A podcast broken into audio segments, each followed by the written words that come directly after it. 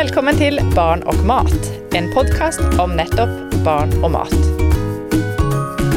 Programledare är Sara Lossius.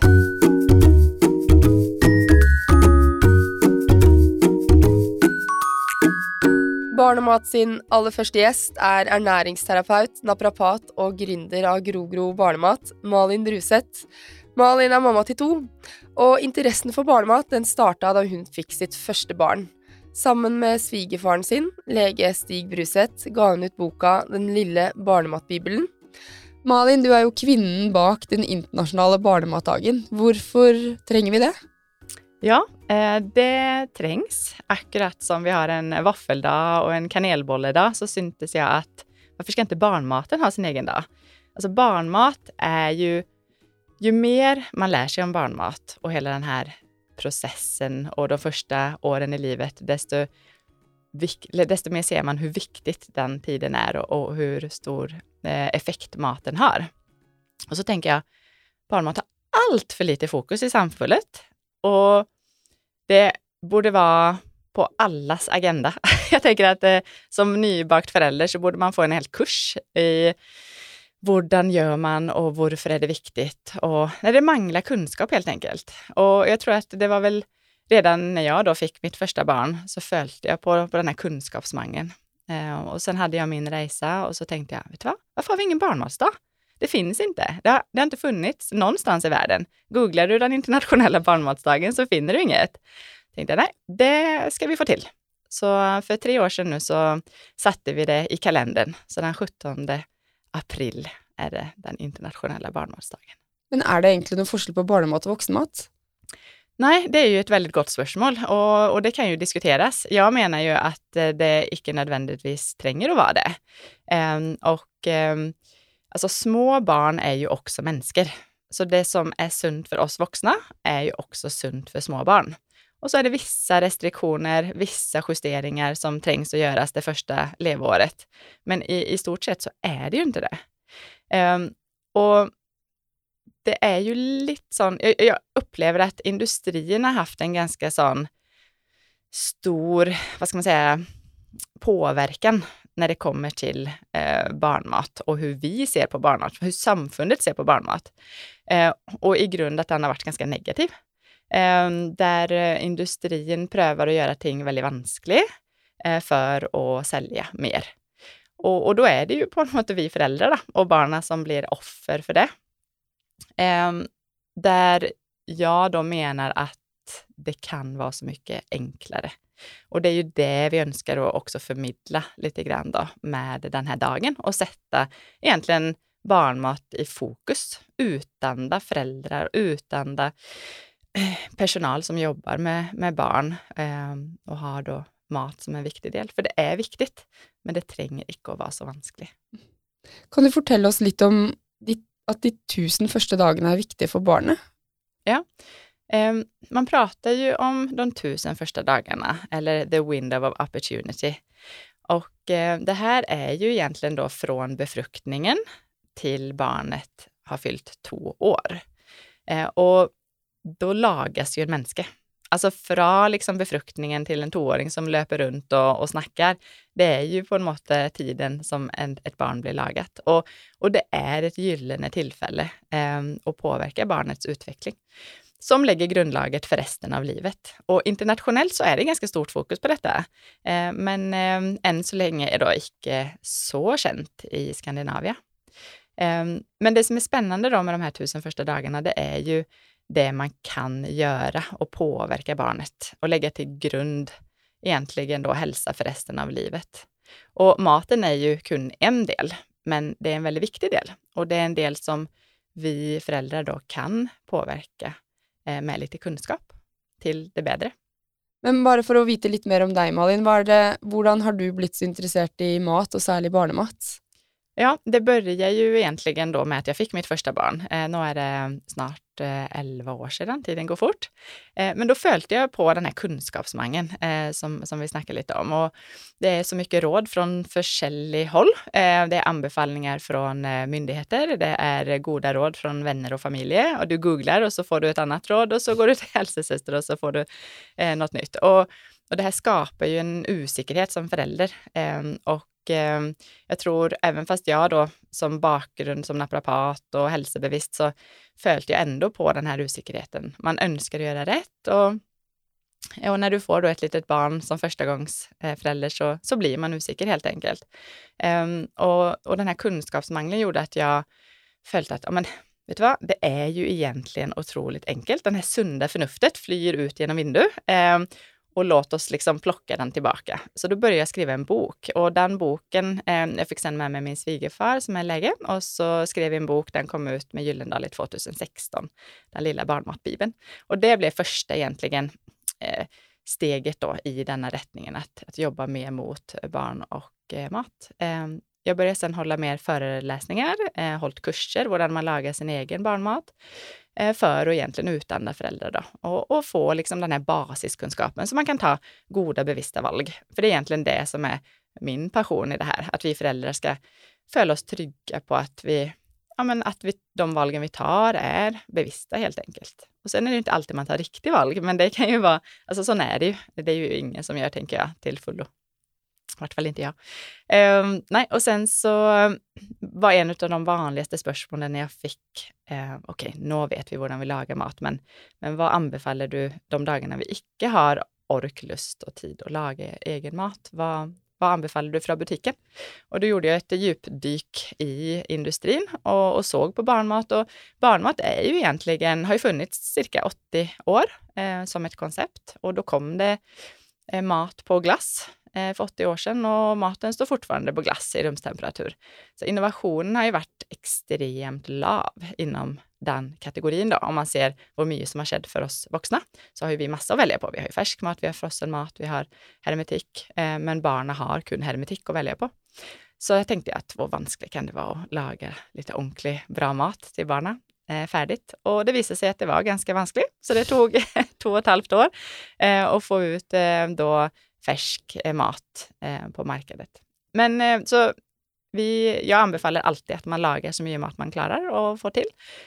Men det är fint att kunna ha ett färskt alternativ. Så då kom Grogro till, föddes Grogro så att säga. Ja, så nu så jobbar vi för att, att växa egentligen eh, ja, i Norge och Sverige och sen ut i Europa för att kunna ha ett färskt tillbud till föräldrar. Eh, och i den här resan så, så har ju det varit mer fokus på, på liksom mat och kvalitet och barn och bevissthet hos föräldrar och då kände jag att nej, vet du vad, barnmat tränger en egen dag. Och då eh, blev det den internationella barnmatsdagen eh, som nu har blivit till en podcast.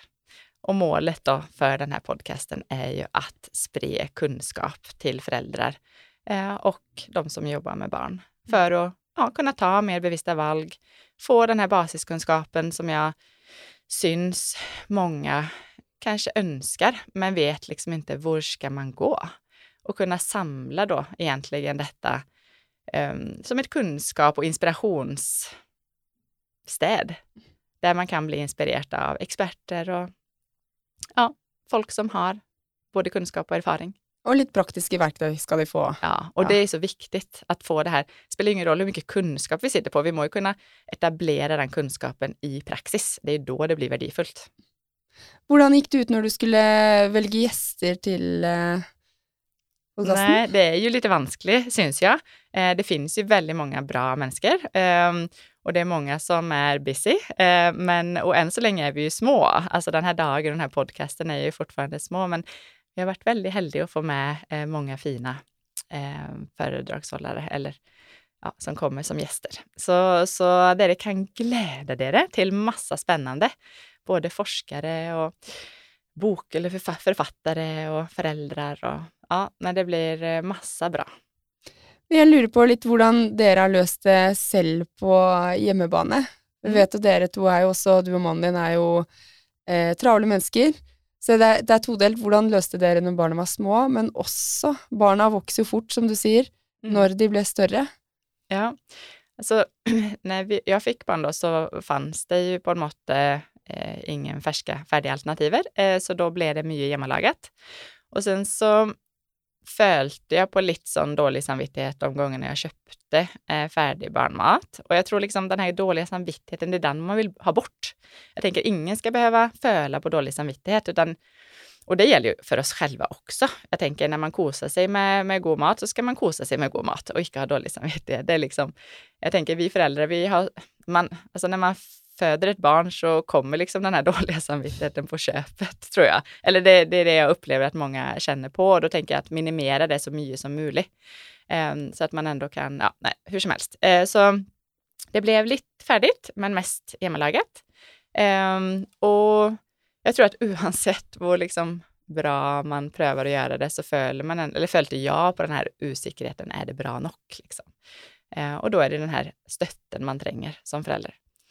Ehm, det blev mycket varierat. Um, prövde, ja, vi har ju alltid spist på en måte det mesta. Alltså lite kött, lite fisk, lite full och massa grönsaker, massa frukt, bär och, och så vidare. Hade väldigt fokus första året att det skulle vara näringstätt. Så prövde att och boosta med allt av råvarubaserad mat eh, och goda fettkilder. Eh, smör, kallpressad olivenolja, eh, kallpressad kokosolja, Ehm, um, ikke så mycket innmat, för det var ingenting som jag själv spiste, så det syns jag var lite vanskligt att ge barnen. Um, men jag prövade att laga leverpastej eh, på kyllinglever någon gånger själv och den var faktiskt skicklig god.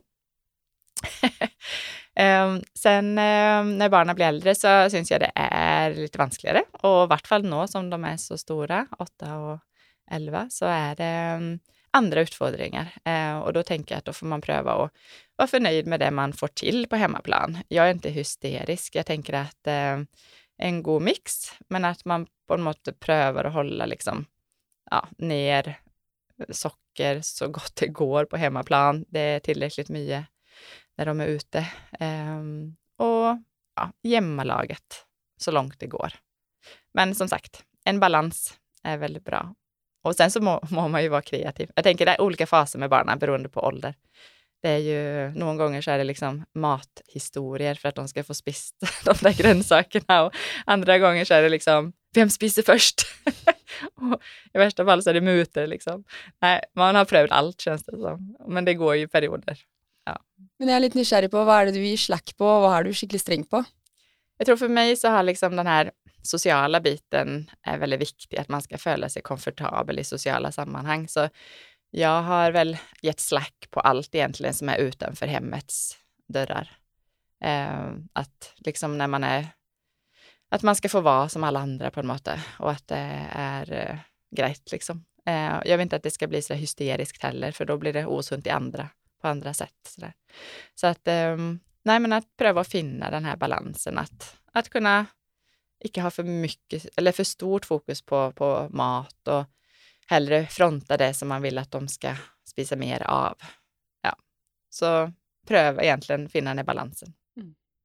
Men du, om fem år, mm. var ser du för dig att den internationella barnmatdagen är då? Ja, vi har ju stora ambitioner. Eh, det är ju, eh, nu blir det ju en norsk podcast. Eh, och jag tänker att det är en god start. Men målet är ju att detta ska bli internationellt och att eh, vi ska få in spännande föreläsare från hela världen, eh, experter och att detta ska bli skickligt stort. Jag vill att det ska bli satt på världskartan så att säga, eh, för det trängs. Och vi syns ändå att vi är heldiga här liksom eh, i Skandinavien med, med god kvalitet på, på maten då och relativt god kunskapsnivå om man jämför med många andra länder. Ehm, och ändå så är det så mycket som manglar. Så jag tänker att det här är ett behov som är väldigt stort. Så att målet är att det ska bli skickligt internationellt och att eh, jag drömmer liksom om att, att det ska bli fysiskt också i tillägg. Ehm, där man också kan på något sätt utanda experter Alltså sån experter kan utbilda andra experter liksom. Så att eh, kunskapsnivån höjs eh, hos alla om mat, barn och barnens utveckling. Så eh, nu hoppas jag att du som lyssnare ska få både mer kunskap, inspiration och kunna ja, lyfta din kunskapsnivå helt enkelt och kosa dig i, med alla gästerna som kommer i årets podcast.